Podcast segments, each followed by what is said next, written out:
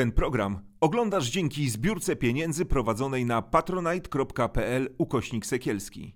Zostań naszym patronem. Dzień dobry, ja nazywam się Marek Sekielski, to jest program Lustracja. Zachęcam do y, komentowania, do subskrybowania naszego kanału, do udostępniania tego nagrania, e, również do wspierania nas na patronite.pl ukośnik sekielski. Dzisiaj moim gościem i Państwa gościem jest Pani Anna Mierzyńska, analityczka mediów społecznościowych. Dzień dobry, witam. Z Białego Stoku prosto. Prosto. E, która napisała bardzo ważną, ciekawą książkę Efekt niszczący, jak dezinformacja wpływa na nasze życie. Książka wyszła niedawno. No i książka, tak jak tytuł wskazuje i to, czym się pani Anna zajmuje, jest o dezinformacji, która no z każdej strony tak naprawdę dzisiaj, w dzisiejszym czasie, w, w czasie mediów społecznościowych, internetu nas bombarduje. I tutaj są różne aspekty opisane, nie o wszystkim chcę opowiedzieć, bo, bo zostawmy czytelnikom trochę miejsca na ciekawość. Natomiast e, chciałbym, żebyśmy przypomnieli trochę jakby i żeby Pani powiedziała, jak Pani doszła do tego i jak z Pani perspektywy wyglądała propaganda, która się zaczęła w 2019 roku, propaganda przeciwko mniejszościom seksualnym w Polsce. E, natoczona oczywiście przez obóz rządzący i wspierające ją różne ośrodki medialne.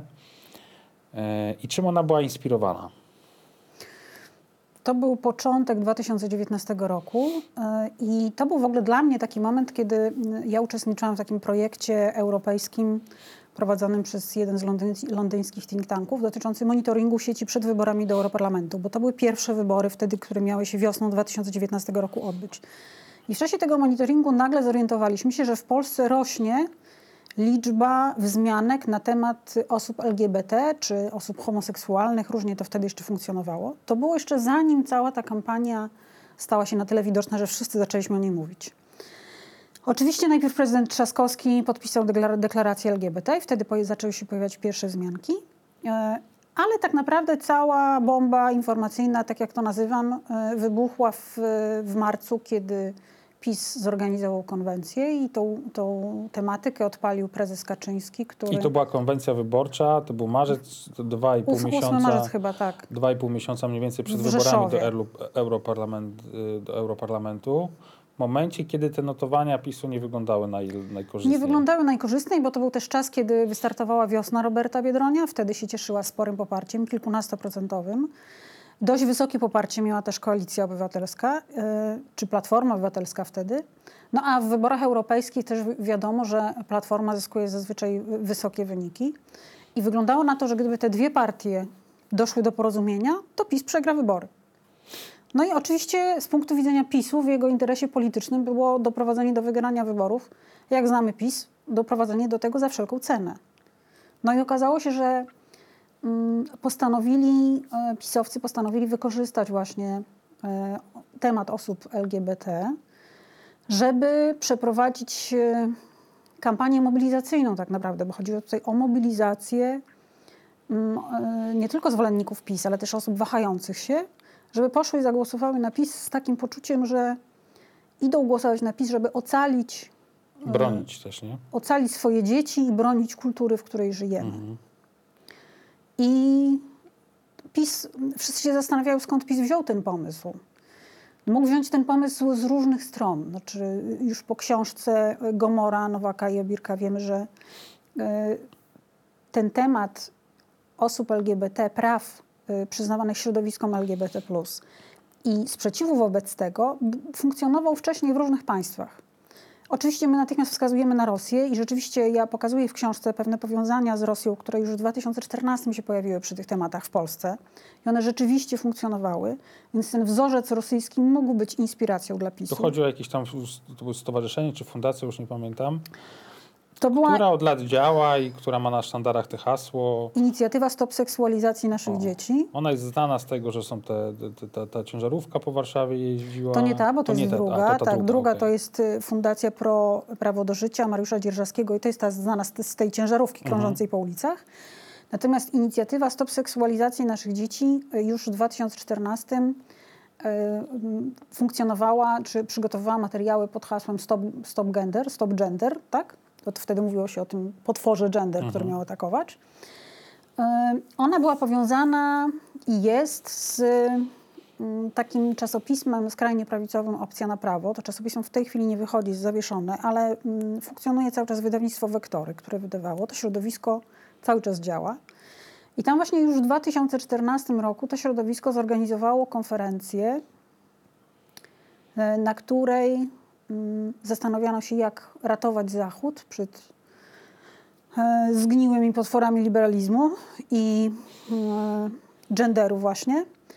No i okazało się, że tam nie tylko zgromadzono osoby z organizacji wówczas działających prorosyjskich, ale też mm, pojawił się tam Aleksiej Komow, Rosjanin, który przekonywał wówczas, że Polacy i Rosjanie mogą ze sobą współpracować i powinni ze sobą współpracować, żeby ocalić Zachód i chrześcijańską cywilizację. Co fascynujące, na tej konferencji przedstawił taką wizję historii Rosji, w której wszystko, co złe w tej Rosji, to przyszło z Zachodu. Marksizm przyszedł z Zachodu, leninizm przyszedł z Zachodu, był, oni byli finansowani przez Zachód. No wszystko, wszystko, co złe, to Zachód, albo ewentualnie satanizm, który z Zachodu też przybył.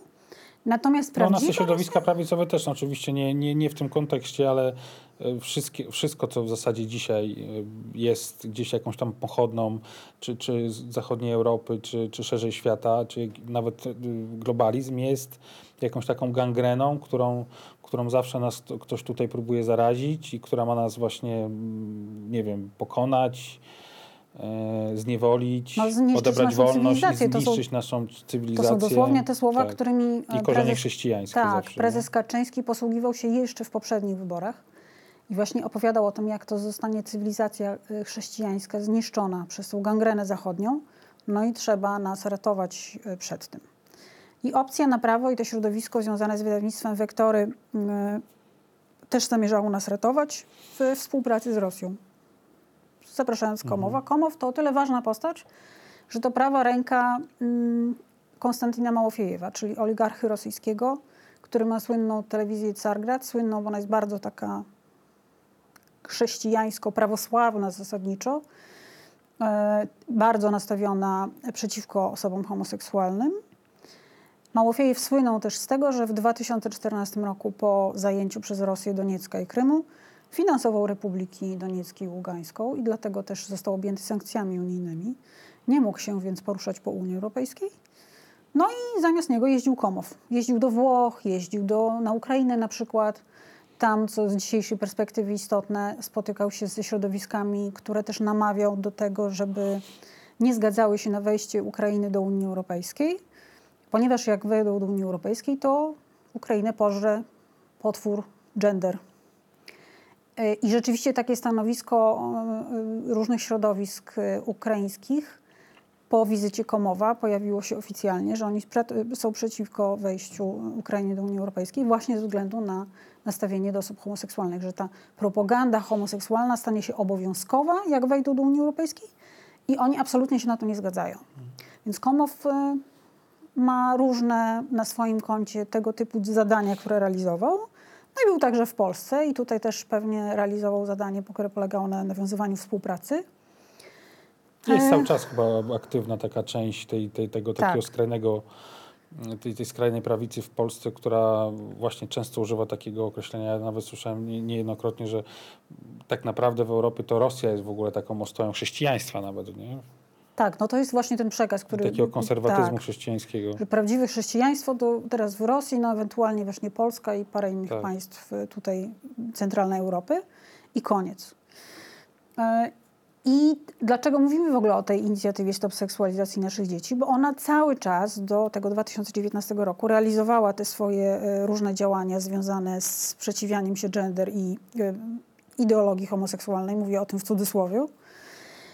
I między innymi e, bardzo intensywnie uderzała w, mm, w tą słynną tabelkę, którą Światowa Organizacja Zdrowia przedstawiała, słynną, bo potem w 2019 roku w tej kampanii wyborczej została wykorzystana, żeby pokazać, że Światowa Organizacja Zdrowia, a więc zgniły Zachód, tak, bo to jako reprezentanci tego Zachodu, namawiają dzieci do w ogóle jakichś absolutnie skandalicznych zachowań, czyli że już w przedszkolu będą się onanizować na edukacji, podczas edukacji seksualnej. Będą uczone tego wręcz. Będą nie? tego uczone, będą y, namawiane do seksu w nieco Co starszym będzie prowadziło wieku. też do, do, do zachowań pedofilnych, które będą się dokonywały. Tak, no, że, że cała edukacja seksualna w ogóle jest przygotowaniem, y, przygotowaniem dzieci do tego, żeby mogły być ofiarami pedofilów. Co nie tak jest z tą tabelką, a tak naprawdę nie co nie tak jest z tą tabelką WHO, tylko co jest, na czym polega ta, to przekłamanie, które zostało dokonane. Tak, no to naprawdę potężna manipulacja, ponieważ ta tabelka zawiera, jak to tabelka, różne rubryki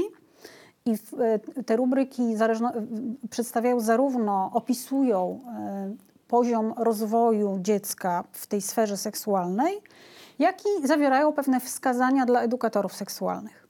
I teraz tą rubrykę, w której opisywane są zachowania, normalne zachowania dzieci w danym wieku, rozwojowe, które się zmieniają, jeżeli chodzi o sferę seksualną. I to na przykład, że dzieci w wieku przedszkolnym, e, kilkuletnie, są zainteresowane swoją, swoją strefą intymną, swoimi genitaliami, potrafią, e, tak jak całą resztą ciała, tak jak małe dzieciaki biorą palce nóg e, do buzi, żeby sprawdzić, jak ta noga wygląda i co z tymi palcami jest, tak samo sprawdzają resztę swego ciała, a więc także I miejsca ktoś, intymne. kto jest rodzicem, jeżeli się przygląda swojemu dziecku, o tym wie tak naprawdę. Dokładnie.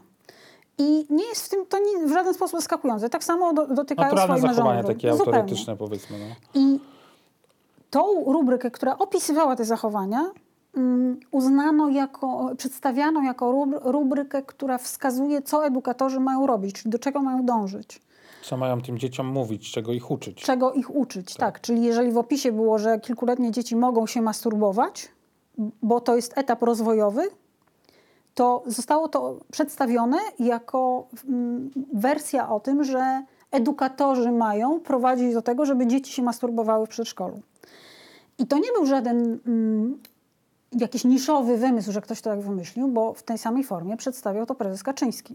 Mm, to- było coś, czego on tak w czasie tej konwencji PiSu w marcu w Rzeszowie, w marcu 2019 roku, o czym mówił mocno enigmatycznie, a nie wprost, ale wyraźnie do tego nawiązywał, twierdząc, że właśnie przerażające rzeczy z tymi dziećmi mają się dziać w przedszkolu. No więc to, to jest zupełna manipulacja. E, Inicjatywa Stop Seksualizacji naszym dzieciom manipulowała tym naprawdę od kilku lat. I te przekazy zostały potem w kampanii wyborczej wykorzystane. Dobrze, a fakt, y, to o czym mówi ta tabelka, polega na czym? No to jest, y, y, to są wskazówki, dla, znaczy i obok jest informacja dla edukatorów seksualnych, że jest, że, to- seksualnych, że to jest Ta tabelka, która została użyta do, do straszenia, że ten dziki, zły zachód nam będzie e, seksualizował dzieci, miała służyć tylko i wyłącznie edukatorom, którzy mieli po prostu jakby do edukacji edukatorów, tak? Oni mieli nabrać Oni wiedzę, mieli- mieli wiedzieć, nabrać że coś tak. takiego dzieci robią i, dokładnie, i to, nie miało nic wspólnego z tym, że normalnego mają tę wiedzę przekazywać dzieciakom, nie? To był opis normalnego zachowania rozwojowego, żeby edukator też wiedział, że to jest normalne zachowanie e, rozwojowe i żeby i zupełnie obok była rubryka, w której wskazywano edukatorom, e, co mogą, w jaki sposób mogą pracować na tym etapie z dziećmi. I to absolutnie nie miało nic wspólnego e, z tym opisem. To były dwie różne, dwa różne W wskazania. całej tabelce nie ma nic na temat zachęcania czy, czy młodych, czy nastolatków do, do, do aktywności seksualnej, tylko ewentualnie na tych, na tych późniejszych już Na tych późniejszych etapach też nie ma o zachęcaniu do aktywności, ale o do- rozmowie. do bezpieczeństwie, Tak? Do, o bezpieczeństwie, tak. o stanowieniu granic, o tym, że można odmawiać, na przykład jeżeli ktoś się domaga seksu, Mhm. że, że można powiedzieć nie. No ale to wymaga e, pewnej Ale to już, otwartości ale to już wiedzy. jakby po- w świat posz, poszło hasło e, nasze dzieci będą seksualizować. Będą tak? Unia seksualizować, Europejska ze tak. Światową Organizacją Zdrowia. To jest w ogóle fascynujące, jak pomyślimy sobie o tym języku. No bo to znaczy seksualizować dzieci? No dzieci, y, jakby wszyscy jako ludzie jesteśmy y, jakoś seksualizowani. Znaczy stre- strefa seksualna jest strefą taką samą jak inne strefy, które funkcjonują, w których funkcjonujemy wewnętrznie, tak? E, Więc to takie hasło zostało ukute, które samym faktem, że seks jest cały czas tematem, o którym rzadko się mówi wprost w Polsce, poruszało wiele ludzi. Tak? No dzieci i seksualizacja, czyli dzieci i No, seks seks, wśród dorosłych często jest Tak, wstydliwy, tak? tak, A no to co już- dopiero jeśli chodzi o dzieci? to no. jakieś drastyczne wydarzenie musi być. Dzieci i seks, koniec. To ewidentnie się kojarzyło pewnie z pedofilią, to zresztą było podbijane potem w przekazach, żeby to się kojarzyło z pedofilią. Chociażby właśnie y, ta słynna ciężarówka na ulicach, Fundacja Pro Prawo do Życia, którego wypuszczała na ulicę, y, wprost mówiła o tym, że iluś tam homoseksualistów to pedofile, tak? I podbijano. Rafał. Rafał Trzaskowski stał się jako ten prezydent z ramienia tej znienawidzonej opozycyjnej partii Platformy Obywatelskiej, prezydent Warszawy. Stał się takim symbolem dla, dla osób walczących z tą seksualizacją. E, takim symbolem właśnie człowieka, który ją wprowadza tak na siłę do, do, do warszawskich szkół, nie? Bo, bo on Tak, tą bo kartę ogłosił wcześniej, tak. która miała wspierać osoby LGBT, tam był hostel, miał powstawać dla osób, które są wykluczone, po prostu, które nie mają gdzie mieszkać, tak, dla osób LGBT. Natomiast pamiętam, hostel był obśmiewany po prostu jako taki kaprys, fanaberia. Natomiast no, ta karta WHO, która miała gdzieś tam zaistnieć w edukacji, była takim elementem właśnie nawalanki politycznej tępej, nie? Też e, ciekawe, że później to już wystarczało hasło deklaracja LGBT i już nikt nie wnikał, co w tej deklaracji tak, Tak. naprawdę jest. Obśmiewano Trzaskowskiego, czy obśmiewano, krytykowano, atakowano go za to, że w ogóle tę deklarację podpisał. Nieważne, co w niej było, bo tam na przykład był również pełnomocnik, e, że, że Urząd Miasta Warszawa powoła pełnomocnika, który, do którego osoby homoseksualne ze szkół będą mogły się zwrócić ze swoimi problemami, tak? I to też było na którymś etapie obśmiewane, a potem to jest charakterystyczne dla takich e, kampanii dezinformacyjnych, że pojawiają się hasła, które nie są w żaden sposób wyjaśniane, tylko w taki hasłowy sposób są używane, mają budzić bardzo silne emocje, Lęk przede wszystkim. lęk. I ni- niewiele osób sprawdza, co się za tym kryje. Wystarczy samo hasło. No i jest problem, bo jeżeli już się pojawia strach i ludzie są nastraszeni po prostu przez, przez no, raz prezesa i jego partię, a co za tym idzie, całą propagandę medialną, która zawsze za prezesem staje murem i, i to, co on mówi, to ona to przekazuje z uporem maniaka. E, wytłumaczenie ludziom już później, na czym polega przekłamanie, no już jest, y, oczywiście dotrze do jakiegoś tam promila osób, które są, rzeczywiście zainteresowane i, i rzeczywiście się zastanawiam nad tym i wyciągną wnioski, no ale do większości już nie, nie? Tak, to też jest charakterystyczne. E, Jeszcze bardziej mogliśmy to obserwować jako mechanizm w pandemii. Czyli kiedy ktoś się bardzo boi i coś, jakiś przekaz, jakaś informacja budzi w nim bardzo silne negatywne emocje, zwłaszcza lęk, to y, w którymś momencie stres odcina y, takie zdroworozsądkowe myślenie. To jest już w tej chwili na poziomie fizjologicznym udowodnione, że rzeczywiście tak się dzieje. Y, Nie jesteśmy w stanie w silnym stresie myśleć logicznie. I wtedy taki człowiek zaczyna się blokować na argumenty merytoryczne. Czyli jakby wyjaśnianie, o co chodzi tak naprawdę w całej, w całej tej kampanii dezinformacyjnej, wyjaśnienie na poziomie merytorycznym nic nie daje, bo ludzie nie przyjmują tych argumentów. Zresztą przy tej kampanii LGBT mieliśmy takie próby i Rzecznik Praw Obywatelskich, wtedy Adam Bodnar, e, oficjalnie zajmował stanowisko w tej sprawie i prezentował na stronie internetowej swego biura wyjaśnienie, o co chodzi z tą tabelką WHO. I e, różni naukowcy o tym mówili, ale to absolutnie nie docierało. No Oczywiście to już się nie przebiło przez tą taką Tak. barierę medialną, nie? Wtedy zwłaszcza media mm, publiczne i media y, prawicowe, prorządowe tak bardzo intensywnie komunikowały o tym, jakim zagrożeniem są środowiska LGBT, że cała reszta przekazu po prostu nie mogła się przebić. A nawet gdyby już się przebiła w innych mediach, no to właśnie te poczucie zagrożenia i lęku sprawiało, że, że te argumenty nie trafiały. Trudno nie zauważyć też yy, korelacji między tą, tą metodą, która została, tutaj zastosowana, a metodą, która już wcześniej została zastosowana w, przy, przy poprzednich kampaniach przeciwko imigrantom, nie? przez to samo ugrupowanie. Tam też pamiętam słowa prezesa, który mówił, nie, nie, nie przytoczę dokładnie, ale tam było o chorobach, które mają przynosić Tak. imigranci z Afryki i z Bliskiego Wschodu. Nie? Tak, to też tak, wszystko tak. działało na strachu. Ja jestem z Białegostoku, więc e, kiedy w lipcu 2019 był w Białymstoku ten słynny Marsz Równości, który się skończył zamieszkami potężnymi, e, przed tym marszem też były rozprowadzane mm, ulotki. Ktoś prywatnie zrobił, tak? To nie była żadna inicjatywa oficjalna w żadnym razie. Ale ulotki do skrzynek pocztowych na części osiedli trafiły. I jaka tam była informacja? Właśnie o tym, że e, pojawią się w Białymstoku ludzie, którzy roznoszą bakterie i choroby i trzeba się chronić przed nimi, bo, bo trzeba chronić swoje dzieci, bo, czyli jakby znowu ten sam przekaz o chorobie i o bakteriach, które będą roznoszone, prawda?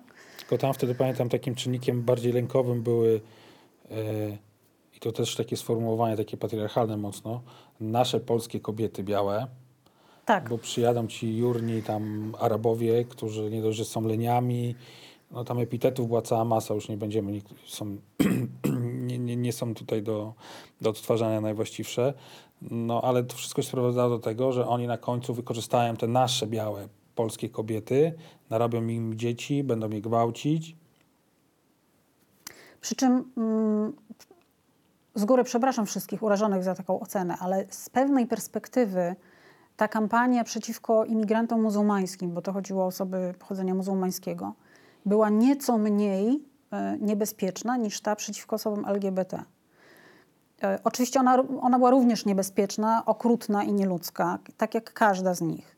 Natomiast e, chodzi mi o to, że ona była niebezpieczna, mniej niebezpieczna, ponieważ dotyczyła osób z zewnątrz. Czyli w sumie które się tak naprawdę tutaj nie pojawiły nigdy. które się nigdy nie pojawiły, czy których było bardzo niewiele i które w, niewielkim stopniu odbierały osobiście i doświadczały osobiście skutków tej kampanii. Natomiast osoby LGBT to są osoby, które tu są, które funkcjonują w naszym społeczeństwie, które są częścią tego społeczeństwa. Więc to było uderzenie w ludzi wewnątrz e, w ludzi, którzy na co dzień odbierali te przekazy, które były sączone, tą nienawiść, która się pojawiała i ten lęk, który się pojawiał w innych. I ja uważam, że to naprawdę było skrajnie niebezpieczne. No było nawet nie tyle, co było, co ja mam wrażenie, że jest, bo oczywiście minęły 3 lata od tego momentu, kiedy to wystartowało 3,5 roku mniej więcej. Ja od kilkunastu tygodni nagrywam taki satyryczny program, o, przeglądamy sobie z, z, ze współpracownikami prawicową prasę i trochę się z niej naśmiewamy, natomiast jestem em, prenumeratorem y, tygodnika sieci, Gazety Polskiej, do rzeczy, więc takich sztandarowych prawicowych pism y, prorządowych i, i, i tam nie ma wydania, w którym nie byłoby kilku co najmniej tekstów y, właśnie o genderyzmie, który nam zagraża, o LGBT modzie, która nam zagraża. Dzi- Dzisiaj mam wrażenie, że już zaczyna też prezes, który jeździ po Polsce i wygaduje te głupoty co tydzień o tych Zosiach, o Jadwidze, która nie chce być Mateuszem, czy tam odwrotnie.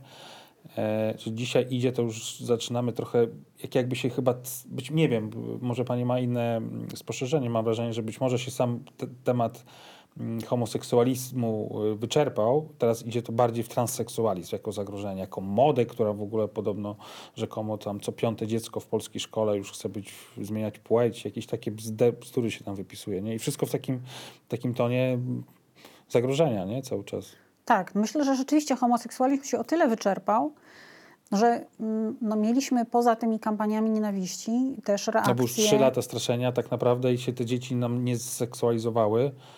To po pierwsze, a po drugie, no myśmy trochę, mieli całą, całą kampanię, też taką mm, naturalną zupełnie, polegającą na tym, że część osób LGBT powiedziała wprost, tak? że jestem LGBT. To był zresztą hashtag taki używany na Twitterze w którymś momencie, który Tak. bardzo szeroko się rozszedł. I to znane osoby, które, Znane osoby o tym mówiły, a mniej znane tylko młodzi ludzie, którzy tam też na Twitterze funkcjonują. To się przeniosło potem na inne platformy i nagle okazało się, że osób LGBT jest wśród nas na tyle dużo, że mm, prawie każdy miał możliwość e, odkrycia, że ktoś, kogo zna, e, jest osobą homoseksualną czy biseksualną. I nie są to jacyś nie są to mityczni potwory, drapieżni, tak. właśnie seksualni, którzy Tylko Czyhają na nasze brat, dzieci siostra, albo tak. mm, ciocia, y, wujek, y, no którzy ktokolwiek z rodziny, wyglądają, przyjaciel. się dokładnie tak, samo, jak Znamy ich od lat, prawda? Normalnie się zachowują, normalni ludzie. I to y, zmniejszyło skalę oddziaływania tego przekazu nienawistnego. To zawsze zmniejsza. To znaczy ten, ta nienawistna kampania, która buduje taką postać potwora jakiegoś strasznego, ona działa do momentu, dopóki nie zmierzymy się z tym obrazem rzeczywistym mm, tych osób, które w ten sposób są przedstawiane. I kiedy się okaże, że to jest nieadekwatne, czyli nie ma potwora, a są zwykli ludzie, to lęk nam się zmniejsza. No i tu dokładnie coś takiego się stało. To było widać zresztą w sondażach i cały czas jest widać.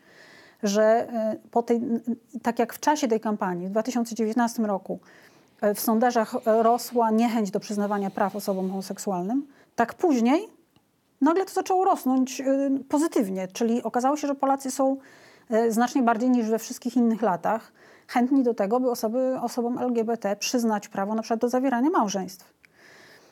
Więc Cały czas ta tendencja jest taka po- pozytywna, nie? W tym Tak. aspekcie, no, wzrostowa. Tyle, że dla PiSu w 2019 roku y, ta kampania i ten moment, w którym y, udało im się wystraszyć ludzi, wystarczyło do osiągnięcia celu, bo ich cel był polityczny. Im nie chodziło o osoby LGBT, ani o prawa, ani dyskusję na ten temat. Chodziło o wygranie wyborów. Dwóch, bo były najpierw w tym samym roku wybory do Europarlamentu i wybory parlamentarne. I wygrali. A dzisiaj ta kampania, którą cały czas prezes porem maniaka, mam wrażenie, kontynuuje. Czy ona, czy pani obserwuje, że ona rzeczywiście cały czas gdzieś jest żywa, czy, czy to ma jeszcze potencjał, żeby PiS na tym się znowu e, u, u, uzbierał tam kilka punktów proce- procentowych? Ja mam wrażenie, że prezes teraz trochę poszukuje tego tematu głównego, z którego mógłby zrobić oś wyborczą. Z jednej strony atakuje y, osoby transseksualne, z drugiej strony atakuje kobiety. To są dwa wątki, które się w tych jego wystąpieniach stale pojawiają. I wydaje mi się, że on coraz mniej, jego wpływ jest coraz mniejszy, taki w tym znaczeniu wpływu, o którym on myśli, tak? czyli żeby wystraszyć ludzi. To być może działa na jakiś y, najtwardszy, najtwardszy elektorat pisowski, ale mm, naprawdę obserwuję to w sieci w bardzo różnych przestrzeniach.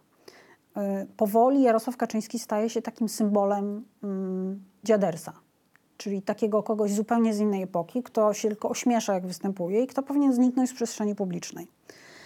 Budzi ogromną niechęć mm, i to jest coraz bardziej powszechne, bo długo było tak, że osoby, które y, wobec, które w ogóle nie cierpiały Kaczyńskiego, nie chciały go, chciały go odsunąć. To były osoby, które się zajmowały polityką i były, y, miały światopogląd y, dziś opozycyjny w Polsce, tak? Ale cała przestrzeń takich ludzi zwykłych, którzy się nie zajmują polityką na co dzień, którzy naprawdę mają swoje sprawy i polityka to jest w ogóle temat, który ich nie interesuje, to nie wnikały w te kwestie. Rządzi PiS, no to rządzi. Rządziła Platforma, no to rządziła, tak? A teraz widać coraz bardziej po tych atakach na kobiety właśnie, że coraz więcej znanych osób, celebrytek, ale też firm zaczyna się angażować w, mm, po stronie opozycji właśnie, przynajmniej w taki sposób, że jasno i otwarcie mówią, że mają dość tego, co robi ten rząd i co robi Kaczyński, i w jaki sposób, traktuje kobiety i w jaki sposób traktuje osoby hom- homoseksualne. I to jest moim zdaniem bardzo ważny znak, bo to pokazuje, że mm, to, co mówi Kaczyński dzisiaj, budzi wściekłość, a nie e, wzmacnia lęk e, wśród dużej liczby Polaków. Że my się już przestaliśmy bać tych potworów, które, które Kaczyński rysuje. Lata mijają, tak jak pan mówił, seksualizacji dzieci nie widać. I skoro przestaliśmy się bać w, w, na dużo większą skalę niż poprzednio, jeżeli chodzi o liczbę ludzi, e, no to dzisiaj nas to wkurza. A jak dużą winę jeszcze za, za tą nienawiść taką rozpętaną w Polsce e, z pani perspektywy mm, ponosi Kościół polski, katolicki? ogromną, ponieważ włączył się w tę kampanię. Oczywiście może nie włączył się w nią instytucjonalnie, ale wielu duchownych się włączyło i to znaczących. Byli wśród nich bisku- biskupi, byli mm, księża, duchowni, którzy są nauczycielami akademickimi. Mm, no i, i to było moim zdaniem bardzo jednoznaczne y, prezentowanie osób LGBT jako mm, osoby, których należy, które należy nienawidzieć. Łusianie nienawiści. I A słynna tęczowa zaraza Tak. arcybiskupa Jędraszewskiego. no właśnie.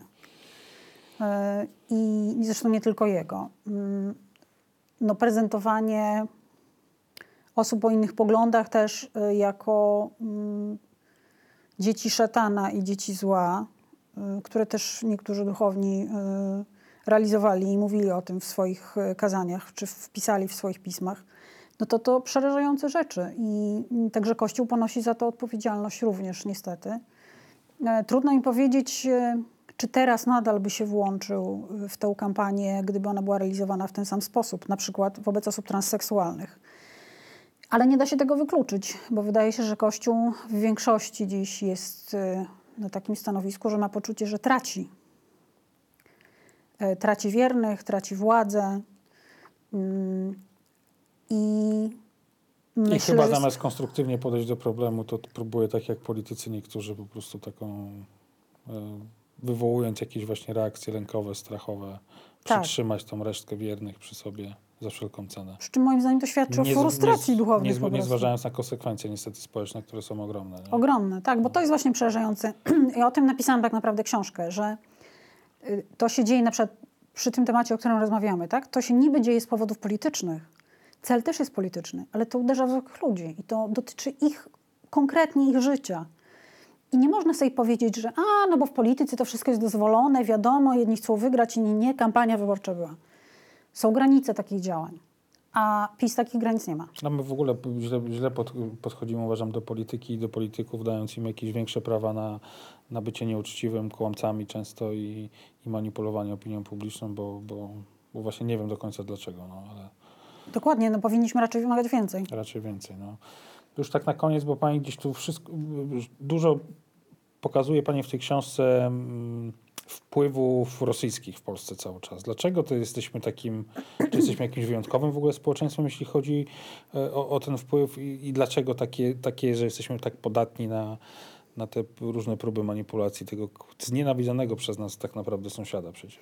Absolutnie nie jesteśmy wyjątkowi. Jesteśmy, podlegamy wpływom rosyjskich służb tak samo jak wiele innych państw. Wystarczy przytoczyć przykład Stanów Zjednoczonych i słynnej kampanii Donalda Trumpa w 2016 roku i śledztwa, e, które, na podstawie którego w Stanach oskarżono i skazano kilkudziesięciu Rosjan właśnie za wpływanie na wybory prezydenckie. E, To samo można powiedzieć, e, o, znaczy wiemy o wpływach Rosji, na, jeżeli chodzi o oddziaływanie na wybory we, we Francji, w krajach em, azjatyckich, w krajach afrykańskich, w kilku innych jeszcze krajach e, europejskich. E, Ostatnio też na przykład wywiad Stanów Zjednoczonych poinformował o znaczących kwotach, naprawdę znaczących kwotach przelewanych przez lata przez Rosję dla rozmaitych partii europejskich w różnych krajach. Więc y, wpływy rosyjskie są w różnych państwach, w naszych też są, w naszym też są. To, z czym ja się najczęściej spotykam, jeżeli chodzi o główne media w Polsce, to właśnie taka świadomość, że w innych krajach Rosja oczywiście wpływa, ma swoich agentów, ma szpiegów i różne rzeczy i operacje robi, a w Polsce to nie. W Polsce to się nic nie dzieje.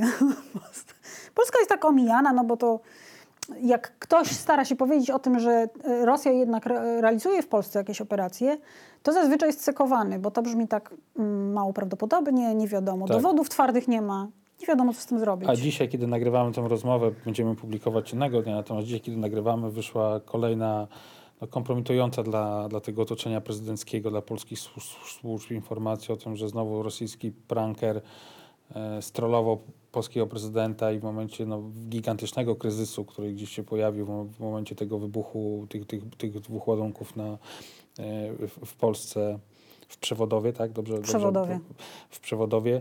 E, zadzwonił do niego i rozmawiał z prezydentem Polski, podając się za prezydenta Francji. Prezydent Polski odbył z nim pełną rozmowę, opowiadając mu o różnych ustaleniach, które tam zapadają i, tak, i dla nikt się nie połapał. Nie? Dla mnie, kiedy y, wielokrotnie mówię o tym, jak Ręce przeciwdziałać opadają, co? dezinformacji, tak, to, to ręce opadają, ponieważ ktoś musiał tę rozmowę y, tych Rosjan nie? autoryzować, Przecież połączyć. To się sprawdza chyba, mam, mam nadzieję. Po pierwsze, to nie? się sprawdza, po drugie, to jest przez konkretne połączenia, konkretne linie. To nie jest tak, że każdy z nas bierze sobie telefon, Telefon dzwoni do komórkowy do prezydenta, prezydenta, i tak. sobie dzwoni, z nim rozmawia. Tak.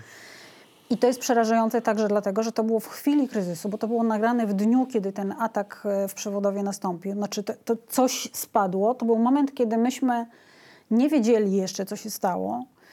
I e, trwały konsultacje też z NATO i prezydent Polski temu Rosjaninowi, który do niego zadzwonił, myśląc, że to prezydent Macron, powiedział absolutnie wszystko, co w danym momencie można było wiedzieć na ten temat. Czyli, że to spadła rakieta, rakieta rosyjska, potem się poprawił, że produkcji rosyjskiej, a nie rosyjska, że są w kontakcie z ekspertami amerykańskimi. Naprawdę opowiedział mu ze szczegółami, co się dzieje. E, I teraz ustalmy sobie prostą rzecz. Ci pranksterzy rosyjscy to nie jest tak, jak możemy sobie wyobrażać, że oni działają zupełnie niezależnie. Służby rosyjskie nic o nich nie wiedzą i nie korzystają z tych nagrań ani rozmów. Ja obserwowałam mm, ten dzień kiedy, e, kiedy doszło do tego incydentu w Przewodowie, w sieci, w sieci rosyjskiej, dokładnie wtedy na bieżąco. I wiem, znaczy widać było to po tym, co się tam działo, że oni też nie wiedzieli w Rosji, co się stało. No to wystarczyło zadzwonić do prezydenta, już się dowiedzieli, co się stało. No to poziom zabezpieczenia, to o czym, o czym rozmawiamy? no? Jak przypominam sobie tą kampanię z 2015 roku, tak? Dobrze liczę? 15? Te pierwsze wybory po latach wygrane przez PiS i, i hasło Polska w ruinie, to twórczo ob- obecna władza rozwinęła to hasło do, do granic takich no, niepojętych chyba dla myślącego człowieka. To jest przerażające, naprawdę. Zawsze, kiedy jestem pytana o to, jak przeciwdziałać dezinformacji, to sobie myślę, że pierwsze, o czym powinniśmy mówić, to o tym, żeby polskie władze przestrzegały procedur. Zasadniczo naprawdę Tak. dużo już by zmieniło. Tak. E, Niestety tragiczne doświadczenia, o których już nie będziemy się tutaj roz, roz, rozgadywać, o tym świadczą, że tak nie jest. Efekt nisz, niszczący, książka Anny Mierzyńskiej, bardzo polecam. Ten egzemplarz, jak pani Anna podpisze, to będzie jako prezent Jasne. dla jednego z naszych patronów i dziękuję za rozmowę. Dziękuję również. Ten program Oglądałeś dzięki zbiórce pieniędzy prowadzonej na patronite.pl ukośnik sekielski. Zostań naszym patronem.